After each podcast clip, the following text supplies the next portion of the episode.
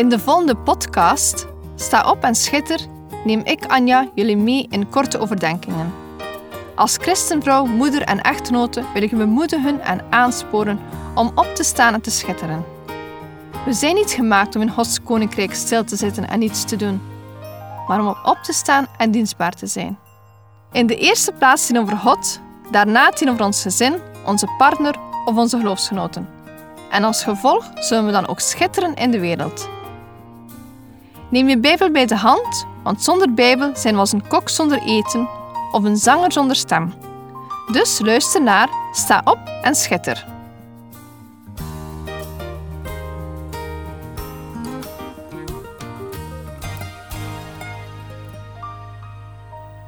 Vandaag zijn we aangekomen in uitzending 107 met als thema Valentijn. Op 14 februari is het namelijk Valentijnsdag in ons land. En onder andere ook in Nederland, Spanje, Frankrijk, Finland en Amerika. Andere landen, als Roemenië, vieren het op 24 februari. Dit is een jaarlijkse traditie. Ieder land benoemt het wel anders, maar de liefde staat centraal. Deze dag gaat gepaard met cadeautjes, etentjes of een kaartje.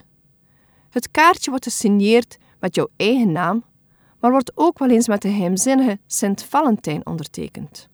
Het woordje Sint slaat op een heilige. Maar wie was nu eigenlijk deze heilige van de romantiek? Op het internet kun je genoeg verhalen vinden, maar het is niet 100% duidelijk welk verhaal de eigenlijke oorsprong heeft van Valentijnsdag. Ik wil twee verhaaltjes ervan delen. Het eerste verhaal gaat terug naar de derde eeuw na Christus. We bevinden ons in Rome. Daar leefde een priester genaamd Valentinus. Hij stond bekend om zijn goede daden die hij deed voor zieken, ouderen en armen. Toen keizer Claudius II besloot dat alleenstaande mannen beter soldaten waren dan mannen met vrouwen en kind, verbood hij het huwelijk voor jonge mannen. Valentinus, die de onrechtvaardigheid van het decreet besefte, trotseerde de keizer, maar zonder positief resultaat. Het decreet ging verder invoegen. Valentinus ging daarom in het geheim huwelijken sluiten voor jonge geliefden. Toen Valentinus acties werd ontdekt, beval keizer Claudius dat Valentinus ter dood zou worden gebracht. Hij werd uiteindelijk onthoofd. Later werd Valentinus heilig verklaard door de katholieke kerk en 14 februari werd een dag die naar hem vernoemd werd. Een ander verhaal vertelt dat een jonge Romein, Valentijn genaamd, werd gemarteld om zijn geloof, maar weigerde om zijn christendom op te geven. Hij stierf op 14 februari 2069 na Christus. De legende zegt dat Valentijn de dag voor zijn executie een afscheidsbriefje achterliet voor de dochter van een medegevangene waarop hij verliefd was geworden. Hij ondertekende het briefje met van jou Valentijn. Hier zou ook de traditie vandaan komen om kaarten te ondertekenen met jouw Valentijn. Valentijn wordt tegenwoordig wereldwijd gevierd en is uitgegroeid tot een commercieel feest. Valentijnsdag is voor mij een verkoopdag. Een dag waarop mensen hun liefde en affectie voor elkaar tonen door middel van bloemen, chocolade, kaarten en andere gebaren. Het is wel allemaal zo romantisch, maar er wordt helaas wel eens meer aandacht besteed aan de cadeaus dan aan de liefde. Zelf hou ik van de romantiek, maar het hoeft niet speciaal op deze dag te zijn. Gelukkig zit ik hierin op dezelfde golflengte van mijn man en vieren we het hele jaar door de liefde. We zenden elkaar berichtjes, kopen elkaars lievelingssnoepjes, koekjes of plannen een uitje met ons twee. Liefde is dan ook zeer belangrijk. Maar hoe zit het nu met Valentijn? Valentijn en de liefde gaan hand aan hand. Als het gaat over de liefde, dan kunnen we niet anders dan even stilstaan bij de liefde van God. De twee verhaaltjes die ik zo net las, hebben een tragisch einde, namelijk de dood. Als ik daarbij ook kijk naar de liefde van God, dan hebben ze allemaal een gelijkaardig einde. God liet zijn zoon Jezus sterven aan het kruis om onze zonden op zich te nemen uit liefde voor ons. Een liefde die we met niets kunnen vergelijken. Een onvoorwaardelijke liefde. Of je nu vrijgezel bent op Valentijnsdag of je brengt deze dag door met degene van wie je houdt, het maakt allemaal niet uit. Jezus wil en kan altijd jouw Valentijn zijn. Jezus koos de weg naar het kruis uit liefde voor ons. Een onvoorwaardelijke liefde, een zelfopofferende liefde. Geven en ontvangen staan hierin los van elkaar. Ik hoorde een getuigenis van een voorganger in een kerk in Amerika, die zeer verrast was op een Valentijnsdag. Ik weet niet of jullie bekend zijn met postvakjes in je kerk, maar in veel kerken hebben alle vaste leden een soort kerkbrievenbus. Het is een gemakkelijke manier om iedereen op de hoogte te brengen van activiteiten. Je kan gewoon flyers verdelen en zo zie je niemand over het hoofd. In deze kerk in Amerika hadden ze dit ook. Op Valentijnsdag zat er een Valentijnskaart in het postvakje van de voorganger. De voorganger was verbaasd bij het zien van het kaartje in zijn postvakje. Hij vroeg zich af wie deze Valentijn zou kunnen zijn. Het kaartje was met de hand geschreven en er stond aan de ene zijde Happy Valentine's Day, vertaald Gelukkige Valentijnsdag. Aan de andere zijde stond You are so loved, wat wil zeggen je bent zo geliefd. En het kaartje was ondertekend door Love, wat wil zeggen liefde.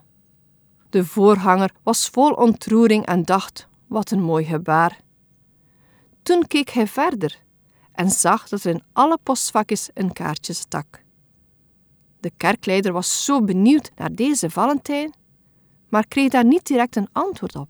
Later, na de kerkdienst, wanneer iedereen zo vol was van de mooie kaartjes, zag hij vier kleine jongens staan hiechelen in de hang. Toen werd het voor de voorganger duidelijk. Deze jongens waren samen een Valentijn geweest en hadden de boodschap van Jezus goed begrepen. Ze hadden evengoed hun naam er kunnen onderzetten, maar dit hadden ze niet gedaan. Ze hadden gekozen om de liefde alle eer te geven. Als het gaat over de liefde, is er maar één perfect voorbeeld, en dit is Jezus. Deze liefde mogen wij ook uitdragen. De jongens die het kaartje uitdeelden, hadden het echt goed begrepen en gedeeld met wel een zeer mooi gebaar. Het was zoiets eenvoudigs, maar o zo mooi. Misschien een ideetje om volgend jaar te doen in je kerk of in je straat en te ondertekenen met Jezus en een verwijzing naar de Bijbeltekst in Johannes 3, vers 16, waar staat: Want zo lief heeft God de wereld gehad, dat Hij zijn enige geboren zoon gegeven heeft, opdat ieder die in Hem gelooft niet verloren gaat, maar eeuwig leven heeft. Dit zou toch een prachtige Valentijnsboodschap zijn. Hoe je ook over deze dag denkt, als christen zijn we ten alle tijden geroepen om lief te hebben. Waarom? Omdat God ons eerst lief had. Romeinen 5, vers 8 zegt: God echter bevestigt zijn liefde voor ons, daarin dat Christus voor ons gestorven is toen wij nog zondaars waren. Hoewel we het niet verdienden, toonde God liefde aan ons. Daarom moeten we liefde aan anderen tonen. Als om de ware liefde gaat, kunnen we naar het leven van Jezus kijken, als ons voorbeeld om te volgen. Zijn liefde kwam tot uiting in zijn daden en in de manier waarop hij leefde. Hij kwam om te dienen. In Matthäus 20, versen 26 tot 28 staat: Maar zo zal het onder u niet zijn, maar wie onder u groot wil worden, die moet uw dienaar zijn. En wie onder u de eerste wil zijn, die moet uw dienaar zijn. Zoals ook de zoon des mensen niet gekomen is om gediend te worden, maar om te dienen. En zijn ziel te geven tot een losprijs voor velen. Jezus nam steeds een nederige houding aan. Hij kwam om ons te helpen. Dit is eigenlijk te hek voor woorden. Jezus zegt hier eigenlijk: Ik ben de nederige dienaar. Denk maar aan de voetwassing in Johannes 13. Het was Jezus die op de knieën ging zitten om de discipelen hun voeten te wassen en niet omgekeerd. Jezus kwam niet als een of ander dictator die eiste dat we zijn regels gingen volgen. Nee, hij kwam als dienaar en zorgde voor de enige manier waarop we onze zonden verlost kunnen worden. Wij kunnen niet gered worden door Hem te dienen. We hebben Hem nodig om het reddende werk in ons hart te doen. Jezus is gekomen om ons te helpen. Hij zal voorzien wanneer we wijsheid of kracht tekort komen. Hij komt onze zwakheid tegemoet en helpt ons om verleiding te weerstaan, Wanneer ik deze morgen opstond, werd ik vervuld van zijn liefde. Zonder Jezus is het leven zinloos. Wij mogen uitzien naar een eeuwig leven, dankbaar zijn voor zijn liefde. Een liefde die onvoorwaardelijk is. Hij blijft van mij houden, ondanks mijn tekortkoming. Hij stierf aan het kruis voor mij en jou. Dit is het mooiste verhaal dat kan verteld worden tijdens Valentijn. Jezus is onze Valentijn. Ik hoop dat jullie deze week deze liefde mogen uitdragen. Misschien ken je iemand die alleenstaande is en het moeilijk heeft op Valentijnsdag. Zend dan een kaartje of ga op bezoek. Wij mogen ook zo dienaren zijn van Jezus. Wij mogen de liefde uitdragen in onze omgeving. Liefde uitdragen is niet altijd gemakkelijk. Misschien heb je wel luidruchtige buren, een vervelende collega of wat met die christenzuster die altijd kritiek heeft. Ook daar is je uiting van liefde belangrijk. Liefde geven is dus niet altijd gemakkelijk en we mogen hierin bidden om wijsheid en leiding. Vergeet niet om te genieten van Jezus als jouw Valentijn. Hij houdt van jou.